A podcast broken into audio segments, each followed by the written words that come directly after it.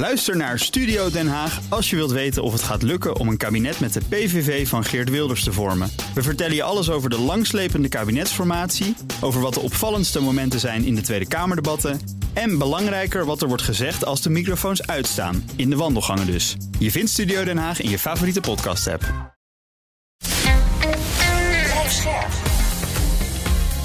BNR Nieuwsradio. Boekenstein en de Wijk. Mark Beekhuis. Welkom bij Boekenstein en de Wijk. Het is vandaag dinsdag, dag 475 van de Russische oorlog in Oekraïne. En Arend Jan, Rob, hallo allebei. Ja, daar zijn we weer. Daar zijn we weer. Jullie wilden het hebben over kernwapens. Naar aanleiding van een artikel van Kevin Ryan, die ik eigenlijk vooral ken van Twitter, die uh, draadjes maakt over hoe het gaat met de oorlog. Ja. Uh, wat uh, schreef hij over kernwapens? Nou, de titel van het stuk is Why Putin Will Use Nuclear Weapons. Hè? En Kevin Ryan is dus een uh, gepensioneerde brigadegeneraal en ook senior fellow at Harvard Kennedy School's Belfer Center for Science and International Affairs. Dat is niet de minste club. Hè? Nee, het is echt een hele goede club hoor. Dat moet wel even uh, gezegd worden. Hij was vroeger ook uh, US Defense Attaché in Moskou. En die weet, die weet er een hoop van. Nou, hij is een man die zegt gewoon in dat stuk van ik ga jullie uitleggen waarom Poetin wel kernwapens uh, gaat gebruiken. Dus dan moeten we even zijn argumenten uh, inventariseren. Hè? Nou, het eerste argument dat hij gebruikt van... Ja, luister eens jongens, conventioneel en met zijn bommen... heeft hij niet Oekraïne gebroken. Dat is gewoon allemaal niet gelukt. Hè? Dus met andere woorden, hij moet wat gaan doen. En, uh, en dat escalatie zou dus heel goed kunnen zijn met kernwapens. Dat is het eerste argument. Het lukt gewoon niet conventioneel. Hè? Nou, dan zegt hij. Hij zegt het ook in recente speeches. En dus zegt hij het gewoon heel openlijk. Hè? Is een existentiële dreiging van Rusland. Hè?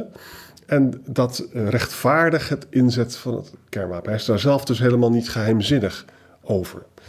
Derde argument, hij heeft dus een militaire leiderschap heeft hij dus uh, vervangen. Hè? En dat de, de drie generaals die verantwoordelijk zijn voor het, uh, ja, het, inzetten van een tactisch nucleair, nucleair wapen, die zijn nu de baas van de speciale militaire operatie in Oekraïne. Dat is toch ook al een, een hint met een breekijzer. Hè?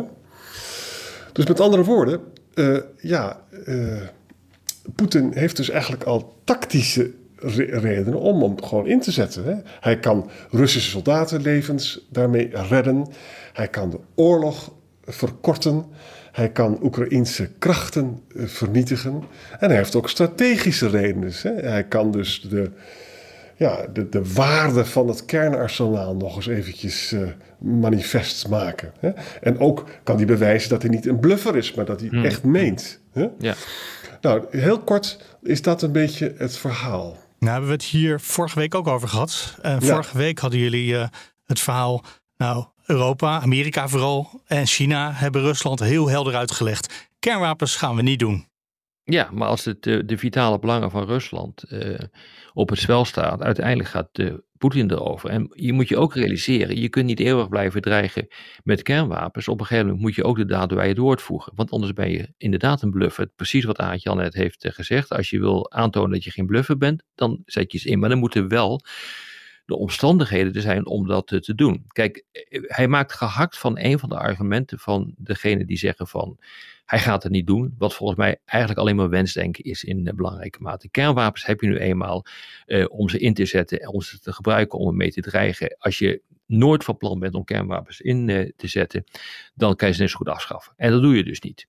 dus, maar bijvoorbeeld, hij zegt New Start, dat is het wapenbeheersingsverdrag voor de grote, zware intercontinentale kernwapens, die is door Rusland opgeschort. Ja. Er zijn geen gezamenlijke inspecties meer. Hij heeft kernwapens in Belarus uh, geparkeerd. Ja. En, en wat ik het krachtigste argument uh, vind, wat hij gebruikte. Rusland heeft op een gegeven ogenblik de KH-55 kruisraket ingezet. Dat is een nucleaire kruisraket. En die hebben ze ingezet uh, met een dummy kop. Dus uh, geen nucleaire kop, maar met een dummy. En dat is op zich vreemd.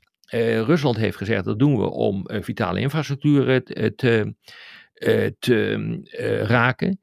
maar Ryan die zegt, en ik denk dat hij daar absoluut een punt heeft, dit is gewoon een testvlucht geweest. Gewoon kijken van hoe zeker komen we er doorheen, hoe nauwkeurig is dat ding en hoe kunnen we hem gebruiken. Dus ik vond dat een, een echt krachtig argument.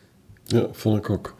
En weet je, als je het in een breder kader plaatst, als je bereid bent om zo'n uh, Gakovka-dam op te blazen met alle immense gevolgen daarvan, hè, tien jaar lang.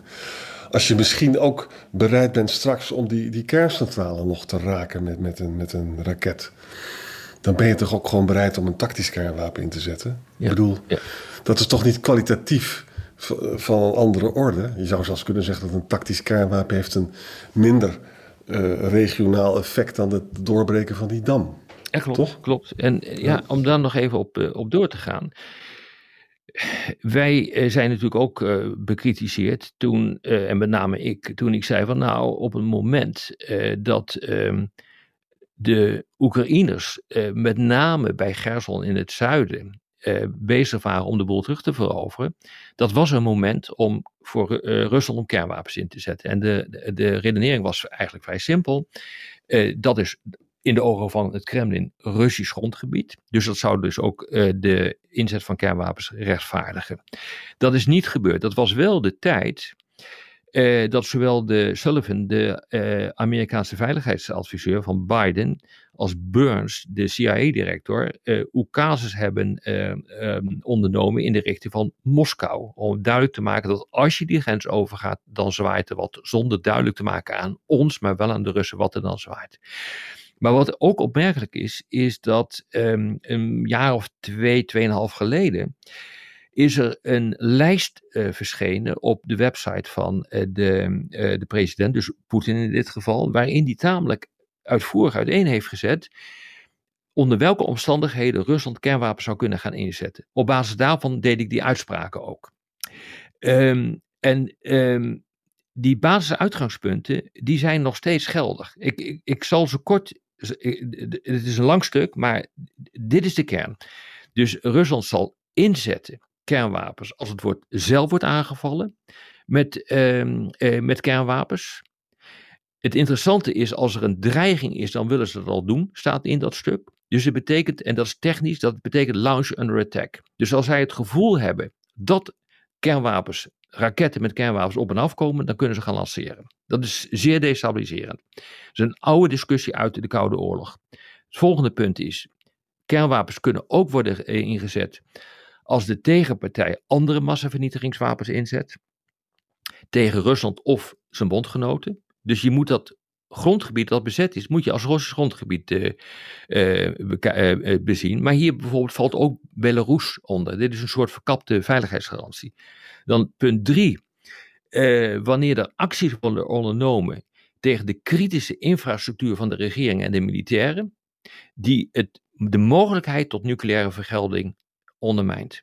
Uh, dus je mag geen uh, acties ondernemen tegen de commandocontrole van, uh, van, van, van, van, Rusland.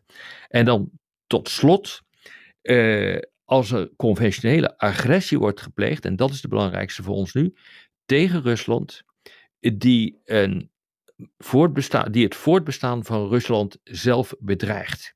Nou, dit is een rekbaar begrip, maar dat punt 4, op grond daarvan zei ik toen ook, dit, dit is Gerson. Um, en dat wordt ook nu gedeeld door de Amerikanen, die analyse, dat dat inderdaad zo is. En de Amerikanen hebben mede op grond van die analyse ook gezegd van jongens, dit is een rode lijn. En als uh, die rode lijn wordt overschreden, dan zwaait er wat. Dus dat betekent dus Rob dat als de Oekraïne toch een groot succes zou hebben om uh, Rusland terug te duwen, ja. dan, dan kan het al gebeuren. Hè? Zonder enige twijfel. Dus daar moet je gewoon rekening mee houden. Dus al dat geneuzel en gezeur, uh, dat het allemaal niet kan, dus in belangrijke mate is dat wensdenken. En, en, natuurlijk kan dat. En uh, we hebben zo vaak in onze podcast erover gehad dat dit nu echt ook voor, voor Poetin een zaak wordt van leven en overleven. Uh, en uh, roept dat de, de NAVO een essentiële dreiging uh, vormt voor Rusland. Nou, op het moment dat je dat soort termen gebruikt, hè, dan weet elke expert dat als je het hebt over existentiële dreigingen, dat er dan ook de meest verschrikkelijke dingen gerechtvaardigd zijn om te doen. Kun je kernwapens inzetten op een manier dat het niet meteen de totale escalatie uh, veroorzaakt. Ja, ik bedoel, we hebben natuurlijk het experiment, wat je net zei, die proefvlucht met een kruisvlucht, uh, kruiswapen gehad. Maar kan je, zijn er nog meer gradaties in? Ja, grosso modo, en dat hebben we al een jaar geleden hebben we daar uitvoerig over gesproken, zijn er twee opties. Optie nummer één is de demonstratieve inzet van een kernwapen. Dan laat je een kernwapen hoog in de lucht ergens exploderen, van mij boven de Zwarte Zee, of misschien wel hoog boven Oekraïne, of je voert een testvlucht, of je doet een test boven je eigen grondgebied uit. Het is ook gebeurd tijdens de Cuba-crisis. Er zijn ook kernwapens op die manier, om die redenen, tot explosie gebracht uh, boven Rusland zelf. Om te laten zien van wij hebben jullie in de gaten met Cuba en wij zijn bereid om kernwapens in te zetten. Dat is uiteindelijk allemaal niet gebeurd, maar goed, dat is een ander verhaal. Dus dat is nummer één. Dus uh, dan gebeurt er ook weinig. Dan geef je een signaal af uh, en als je het goed doet, uh, dan ontstaat er verder ook geen schade. Het, de volgende stap is kernwapens inzetten voor een tactisch doel. Dus dan, en dat is eigenlijk ook waar Arjan op, op hintte, met, toen hij het stuk van Ryan ehm, citeerde. dit heeft te maken met het, het krijgen van een voordeel op het slagveld. Dat kan. Dan eh, zelf Rusland weinig doden, heel veel slachtoffers aan Oekraïnse kant. En dan hopen dat dat zo'n signaal is dat de strijd staakt. Gebeurt dat niet, dan zou het door kunnen uh, escaleren. En dan praat je gewoon over een algemene kernwapenoorlog. Waarbij eventueel uiteindelijk ook de kernwapens, de zware intercontinentale kernwapens kunnen worden ingezet. En dan, ja, dat is toch wel uh, een Armageddon, uh, wat heel sterk doet denken aan het einde van de wereld. Ja, en wat ik er ook angstaanjagend aan vind, is dat als uh, Poetin het zou doen, hè, een, een, klein tactisch kernwapen. Nou, ik denk dat de westelijke wereld gaat niet nucleair reageren. En Oekraïne kan dat niet, die heeft geen kernwapens meer. Dus daar komt Poetin mee weg. Dat hoeft niet, dat hangt er vanaf hoe uh, Amerika reageert. De Amerikanen hebben het zogenaamde Prompt Global Strike systeem. Daar wordt ook wat schimmig over gedaan, maar dat zijn eigenlijk uh, ballistische raketten die ook vanuit Amerika kunnen worden gelanceerd met conventionele ladingen. Het zou me niet verbazen als dat soort systemen een grote rol hebben gespeeld in het, uh, uh, in het zenden van een boodschap in de richting van uh, onze grote vriend Poetin. Van als je die lijn overgaat, dan wij zullen nooit nucleair reageren. Dat begrijp ik wel, dat de Amerikanen niet nucleair gaan reageren.